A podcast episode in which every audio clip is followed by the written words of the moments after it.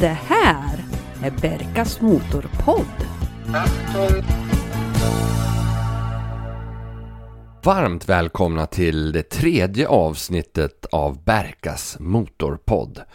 Och jag som pratar heter Jörgen. Det här är ju podden för dig som är väldigt bilintresserad och är entusiast och gillar både sportbilar och bruksbilar. Bra skick, dåligt skick, vinterbilar eller sommarbilar. Jag delar med mig av min bilägarhobby här och det vore jätteskoj att höra av från dig. Du kanske har något trevligt minne eller någon trevlig bil som du vill snacka om.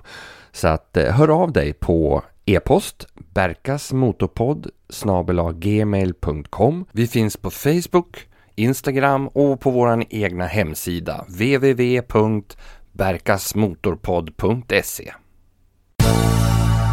Idag har vi kommit fram till min tredje bil som jag köpte hösten 1994.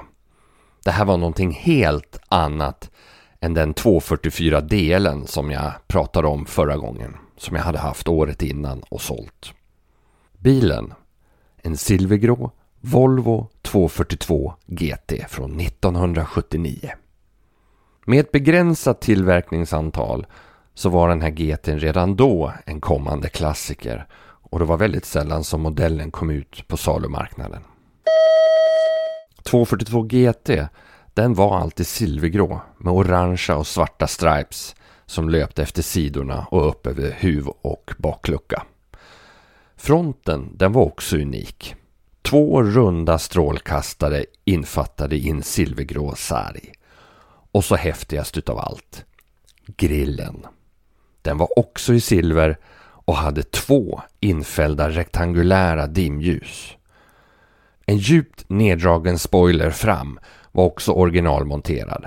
Allt enligt tidens påbud. Det fanns två varianter. Den tidigare GLE-typen som hade rundade hörn och sen den senare så kallade turbospoilern som hade mera scoop och inte några hörn.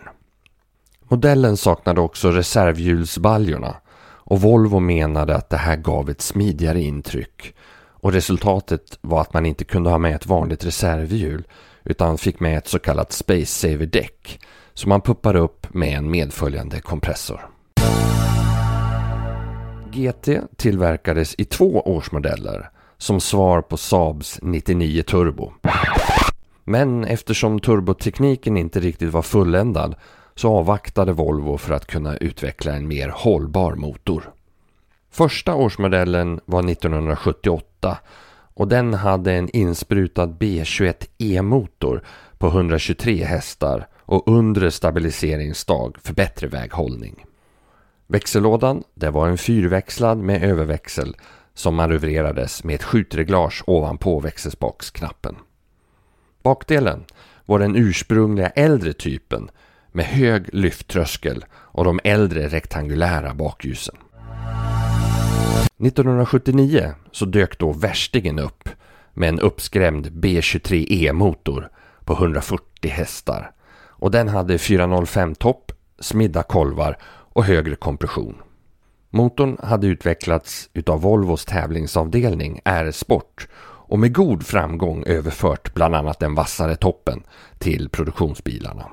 Uppdateringarna var många så att det inte skulle gå att ta miste på att det här var en nyårsmodell.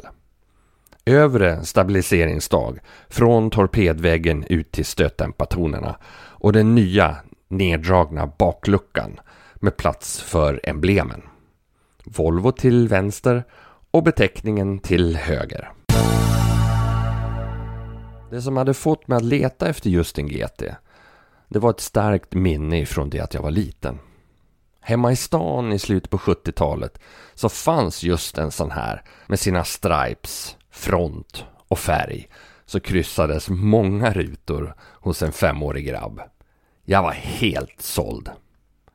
Jag kommer däremot inte ihåg om det var en 78 eller en 79 men det här gjorde att mitt stora bil och Volvo-intresse cementerades. Min bilintresserade pappa, han muttrar bara traktor. Men som vi i kommande avsnitt blir varse. Ändring på det skulle ske.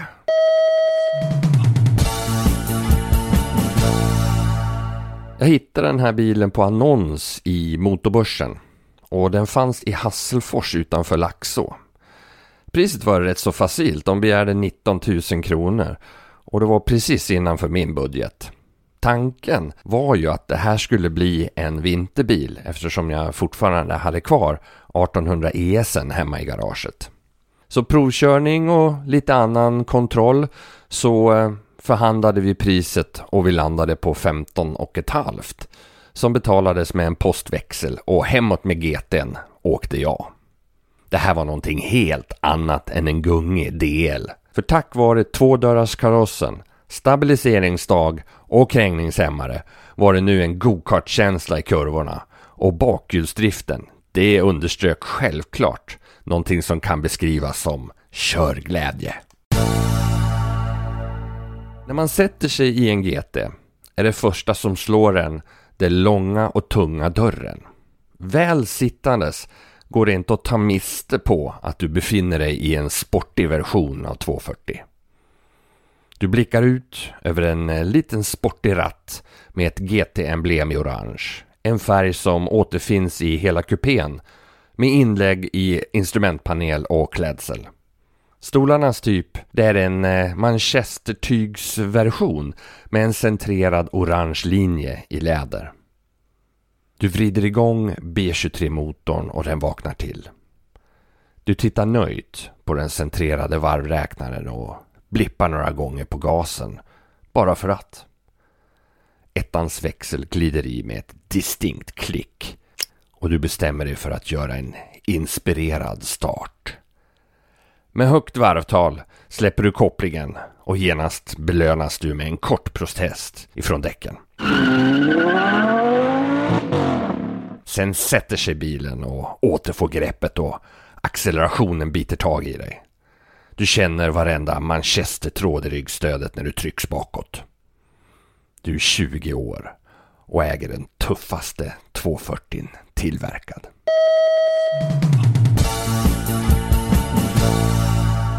Den var i hyfsat gott skick.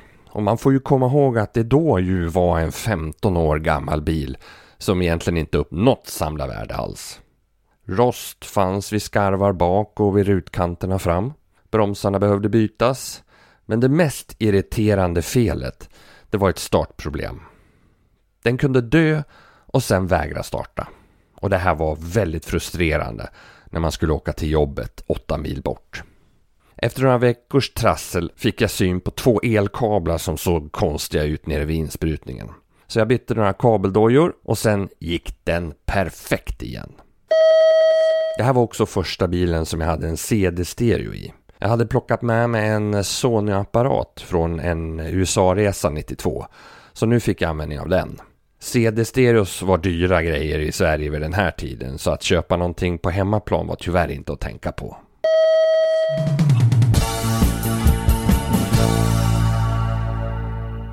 Ett annat galet fel som uppstod var att den plötsligt la av i en korsning på väg till Sigtuna. Mörkt var det och jag hade ju typiskt nog ingen ficklampa med mig.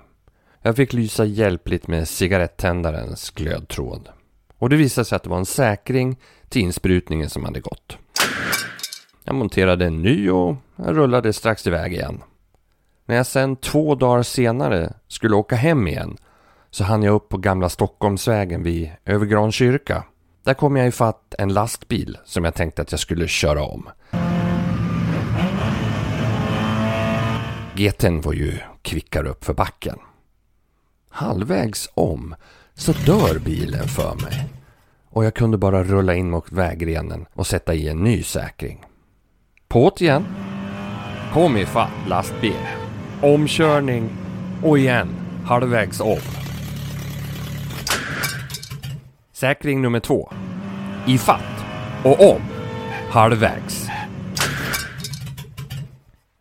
Den här lastbilschauffören, han måste ha undrat vad fan killen i Volvon höll på med. Men jag började att se en röd tråd. Satte i säkring nummer tre. Blinka höger. Säkringen höll. Blinka vänster. Säkringen small efter någon sekund. Insprutning och blinkers gick alltså på samma säkring. Monterade säkring nummer fyra. I lastbilen. Ingen vänsterblink. Och jävla förbi kom jag. Det visade sig att det var kortis i släpvagnsuttaget för vänsterblinkers. Den hade en orolig tomgång. Så jag bestämde mig för att lämna in den för justering hos en firma som hade en sån här rullande landsväg. Tändningen justerades och mekanikern noterade att det satt ett sånt här extraktorgrenrör. Fasen, vi gör en effektmätning, tyckte han. Ja, okej. Okay. Upp på rullarna och så körde vi testet. Det visade sig att den levererade 165 hästar. Så var inte undra på att jag hade spöat en svart Saab 900 Turbo vid ett rödljus veckan innan. Efter ungefär ett års ägande så var det dags att byta bil igen. Och den här gången så ville jag testa något tyskt. Annonser placerades i diverse motortidningar och till slut så hörde en ung kille av sig och ville komma och kolla. Och med sig hade han sin polare. Och nu ska ni få köptips nummer ett. Ta aldrig tåget för att titta på en bil. Speciellt inte om det är en helg och du inte har koll på när och om sista tåget tillbaka hem går överhuvudtaget om du tänker pruta. Jag hämtade grabbarna på station och de började grundligt undersöka bilen. Det kröps, knackades och sniffades. Bra tänkte jag. Det tyder på seriositet. Och nu kommer köptips nummer två. Buskör inte med en bil som du inte äger. Grabben satte sig vid ratten och det var fullt från noll. Bredställ i rondeller och däckskrik. Jag blev förbannad. Vem fan tror du är? Bullit eller? Så där gör man bara inte med någon annans bil. Du hånglar inte upp någon annans flickvän och du misshandlar inte någon annans bil. Punkt. Så kom ögonblicket när priset skulle diskuteras. Jag hade begärt 25 000 kronor för bilen för att kunna ta steget upp till den tyska vagnen som jag suktade efter. Då kom skambudet på 17. Inte en chans, sa jag. Och tillade lite frågande om tågtidtabellen var kontrollerad. Hade han inte buskört så respektlöst så hade jag kunnat vara lite schysst. Men inte nu. Jag drog av tusen spänn på priset. Vad tyckte pressen? Ja, lite siffror här då. Jag sitter och bläddrar i Teknikens Världs retrobilaga från år 2000, nummer 5. Och där på framsidan så ser man en Saab 99 Turbo och en Volvo 242 GT från 1979. Spoilerfeber, Volvo GT mot Saab Turbo. En episk kamp. Men vi ska inte prata så mycket Saab utan vi går direkt över på Volvon här. 0 till 100 gjordes på 10,8 sekunder. GT'n vägde 1360 kilo och nådde en maxtoppfart på 185 km i timmen. Nypris 1979, håll i er, 59 700 kronor. Grussprut och bresladd det var någonting som de flesta promotionbilder på en eh, Volvo 242 GT föreställde.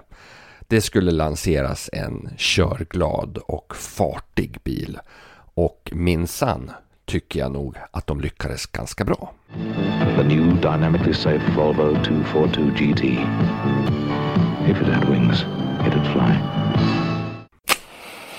Bilannonsglöd. Eller? Men älskling, vad ska du med den där till? Ja, jag fick lov att leta lite grann på den här stora välkända annonssidan på internet för att försöka kolla om det finns någon till salu. Och det gör det. Det finns en. Och den är jättefin. Det är en 79. Men det är ett problem med den. Den är jättedyr. Den är astronomiskt dyr. Den är så dyr så att man får lov att betala för att gå in på hemsidan för att kolla på den. De begär 309 000 för den här bilen. Möjligtvis, möjligtvis, nej. Det går inte. Jag kollade även nere i Tyskland, finns ingen GT där nere. Så enda chansen att hitta en, det är att kliva över Atlanten till USA. Så det är det vi får göra. Det blir till att leta lite grann däröver.